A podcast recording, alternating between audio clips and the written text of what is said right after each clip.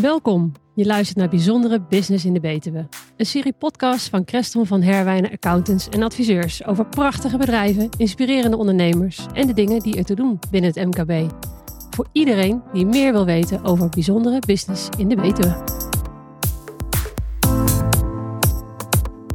Fijn dat je luistert. Prinsjesdag ligt alweer even achter ons. Maar weten we ook precies wat alle daar gepresenteerde maatregelen en besluiten voor de MKB-ondernemers betekenen? Bijzondere business in de Betuwe denkt van niet. En dus komen we de komende weken met korte podcasts waarin we de belangrijkste effecten van wat meer duiding voorzien. En dat doen we afwisselend met de fiscalisten Bas Bijkerk en Cor van Gessel van accountantskantoor Creston van Herwijnen. Vandaag gaan wij samen het eens hebben over de bedrijfsopvolgingsregeling. Daar hebben we het al eens eerder over gehad. Daar is ook veel over te doen geweest. Maar daar zijn keuzes in gemaakt. Kun jij eens uitleggen wat die bedrijfsopvolgingsregeling ook alweer was en wat er nu mee aan de hand is? Ja, dankjewel. De bedrijfsopvolgingsregeling in het kort, die houdt in als een ondernemer zijn bedrijf, en dat kan zijn een, een eenmanszaak of een VOF, of aandelen in een BV, als je die wil schenken, en dat gaat meestal naar uh, de familieleden toe, dat daar fiscale vrijstellingen voor gelden. Of regelingen, moet ik het beter zeggen. De bedrijfsopvolgingsregeling is een faciliteit in de schenkbelasting. Die houdt in dat de eerste, even afgerond, 1,1 miljoen aan waarde in een bedrijf kan voor 100% vrijgesteld worden geschonken. Uh, is het bedrijf meer waard, dan wordt het meerdere, eh, heeft dan een vrijstelling van 83 procent. En, en de reden waarom men dat altijd heeft gedaan, is om ervoor te zorgen dat wanneer zo'n opvolging zou plaatsvinden, dat de, degene die de onderneming overnemen niet enorm zwaar worden belast, waardoor de continuïteit van het bedrijf in gevaar zou kunnen komen. Klopt, ja. En, en um, in, uh, de, de, de, regeling geldt, uh, moet ik ook zeggen, zowel in de erfbelasting dus als de ondernemer komt te overlijden en het bedrijf ja, moet noodgedwongen door iemand worden voortgezet. Ehm, maar ze hebben de regeling destijds ook uitgebreid naar de schenkbelasting. Uh, ook met de gedachte, ja, als we die faciliteit niet bieden, hè, dat als we echt wachten tot het allerlaatste moment, tot de onderneming niet, niet meer is, ja, dat komt de continuïteit van de onderneming ook niet ten goede. Dus als we nu ook opnemen in de schenkbelasting, dan kan de oud-eigenaar nog een beetje uh, de overgang begeleiden. En ja, dan is de grotere kans dat de overname succesvol uh, wordt. Maar inderdaad, de, de, uh, de liquiditeit, dat is een, ja, het hoofdargument geweest voor deze regeling. En ik heb altijd begrepen dat dit, bedoel, we hebben wel eens kritiek op regelingen, dat die misschien wel als minder rechtvaardig worden gevoeld. Maar de, de BOR, zoals die in, in de, de volksmond heet, is een regeling die heel gunstig is, hè, kun je zeggen. Die is gunstig, ja. Ja, en naar het oordeel van uh, sommigen is die te gunstig en wordt die, in sommige gevallen wordt die misbruikt. Uh, nou ja, daar kun je wat van vinden. En uh, om die reden is ook afgelopen jaren voorgesteld om hem te versoberen, mogelijk zelfs helemaal af te schaffen. Nou, om gelijk uh, terug te gaan naar de, de, de belastingplannen die gepresenteerd zijn bij Prinsjesdag. De borg werd eigenlijk niet genoemd. De conclusie die we daaruit trekken is dat die ja, vooralsnog blijft bestaan. En waar wij bang voor waren is dat die uh, ja, bij Prinsjesdag bekend zou worden gemaakt. Dat die heel erg zou worden beperkt of afgeschaft. Daar waren we niet zo heel erg bang voor, maar heel erg zou worden versoberd. Uh, dat is in ieder geval nu nog niet. Enig idee waarom dat is? Ik denk dat die, ja, iedere maatregel die je wilt doorvoeren in de bedrijfsvervolgingsregeling, dat dat zo controversieel is. Ja, dat gaan ze niet als onderdeel van een belastingplan uh, erdoor krijgen. Nee. Ik moet zeggen, de, het kabinet heeft wel aangekondigd dat een van de wijzigingen die is voorgesteld, die willen ze nu wel concreet maken.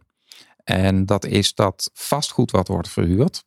Dat is en de, ja, in de belastingrechtspraak altijd een leuke discussie.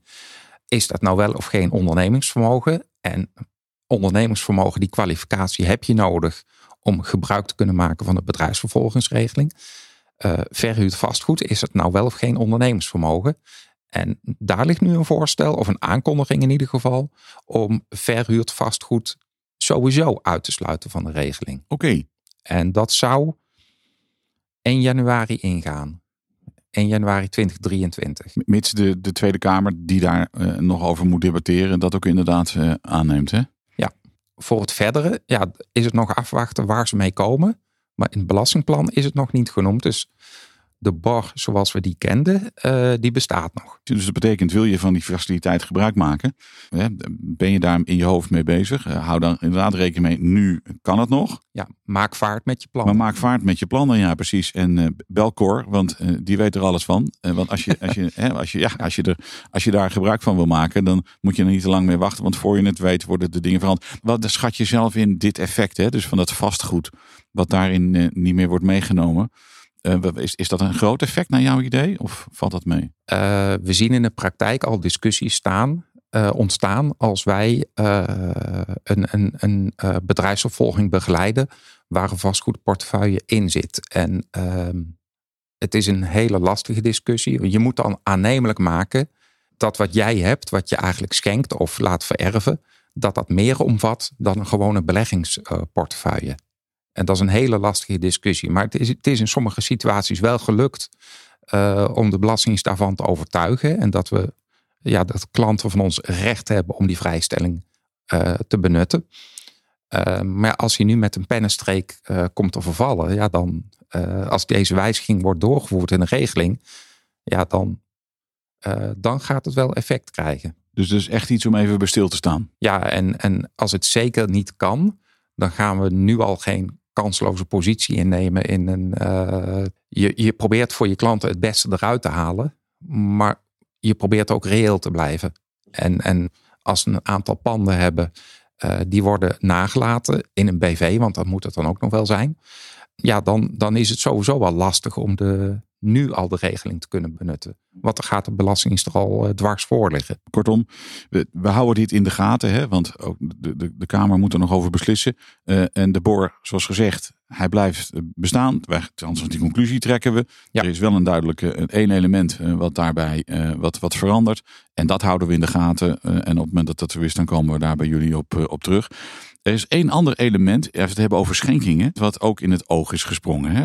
Cor? Klopt, ja. We hebben het eh, de vorige keer ook al gehad eh, over de jubelton. Nog even terug naar de ontstaan van die faciliteit.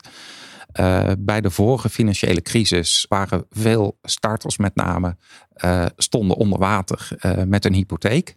Die hypotheken waren hoger dan de waarde van hun woningen. Die situatie vond de wetgever destijds ongewenst. En toen hebben ze de jubelton in het leven geroepen. Die hield in dat familieleden, eigenlijk iedereen, maar in, in de praktijk kwam het erop neer dat familieleden een schenking deden van maximaal 100.000 euro belastingvrij. En de bedoeling was dat die werd gebruikt om eh de hypotheek af te lossen. Ja. Om op die manier ervoor te zorgen dat eh, de kinderen niet meer eh, financieel onder water stonden. Precies.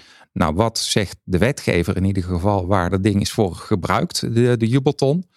Niet om hypotheken af te lossen, maar juist om extra te kunnen bieden bij, ja, bij de aankoop van een huis. Eh, de jubelton werd gebruikt om andere gegadigden eh buitenspel te zetten door extra te kunnen bieden. Dat is de uitleg die de wetgever eraan geeft. En om die reden zeggen ze, ja, hij heeft een averechtse werking. In ieder geval een werking die niet is bedoeld.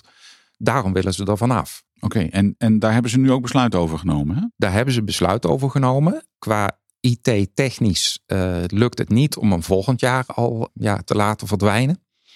Het lukt wel volgend jaar om het bedrag te verlagen. Dus de, de jubelton eh, die wordt teruggebracht in, voor 2023 naar een eh, vrijstelling van iets meer dan 27.000 euro. Dat is een substantiële verlaging. Dat is ja, de- nog een kwart ongeveer.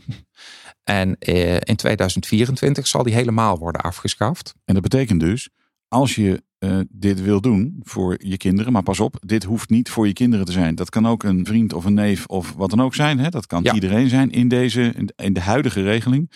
Mocht je eh, dat geld hebben en dat willen gebruiken, dan moet je echt in 2022 dit nog doen, toch? Ja, dit jaar kun je die jubelton nog eh, schenken.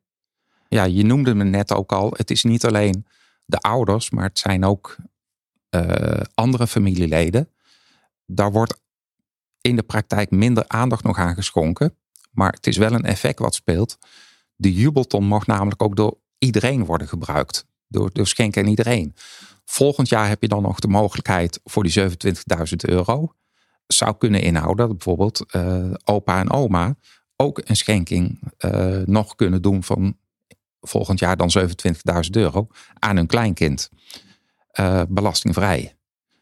Vanaf 2024, als de jubelton of de kwart jubelton helemaal wordt afgeschaft, dan hebben andere familieleden ja, een hele lage vrijstelling, uh, nu rond uh, eh, 2300 euro. Ja, daar, daar sla je geen deuk mee in een pakje boter. Dus dat betekent het wordt begrensd tot familie. En het wordt begrensd uiteindelijk op een wettelijk bedrag van, wat is het, wat zei je, 2600 euro of zoiets? In ieder geval een laag bedrag vanaf 2024. Ja, dan wordt die begrensd op 2200, maar die geldt voor iedereen. En uh, alleen voor ouders heb je dan nog een algemene vrijstelling van uh, kleine 5700 euro. En een eenmalige vrijstelling uh, van ja, die 27.000 euro. Ja. Maar het wordt heel erg beperkt. Het wordt heel erg beperkt. Kortom, mocht je het willen, mocht je het hebben natuurlijk. Dat is, altijd, dat is ook heel belangrijk. Uh, 2022 is het moment om het te doen, want daarna wordt het gewoon uh, wordt het veel moeilijker. Ja, en uh, wil je nog schenkingen overwegen bij, door andere familieleden? Kijk dan of dat je dat in 2023 nog kunt. Dan is dan echt de allerlaatste mogelijkheid. En als ze echt willen weten hoe het in de details zit, dan kunnen ze je bellen, hè, Cor? Ja, uiteraard. Dit wat betreft de, de bor en de, de schenkingen. Um, dankjewel Cor voor deze aflevering. Uh, dit is een serie Bijzondere Business in de Betuwe met korte podcasts over de verschillende onderdelen van die bij Prinsjesdag aan de orde zijn geweest. De maatregelen die zijn gepresenteerd. Vandaag ging het over de boor. Luister vooral ook naar de andere afleveringen, want er komen allerlei elementen langs die voor MKB-ondernemers van belang kunnen zijn. Cor, dankjewel. Graag gedaan. Dit was het meer voor vandaag. Namens Bas Bijkerk en Cor van Gessel, bedankt voor het luisteren. En wil je meer weten over alle maatregelen die tijdens Prinsjesdag zijn afgekondigd? Ga dan naar de website van Creston van Herwijnen, want daar staat alles keurig op een rijtje. Mijn naam is Koos Woltjes en tot een volgende keer.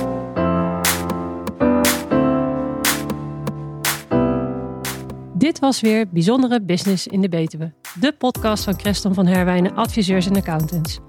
Wil je de hele serie beluisteren? Kijk op de website van Creston van Herwijnen of beluister ons via Spotify, Apple Podcast of Google Podcast.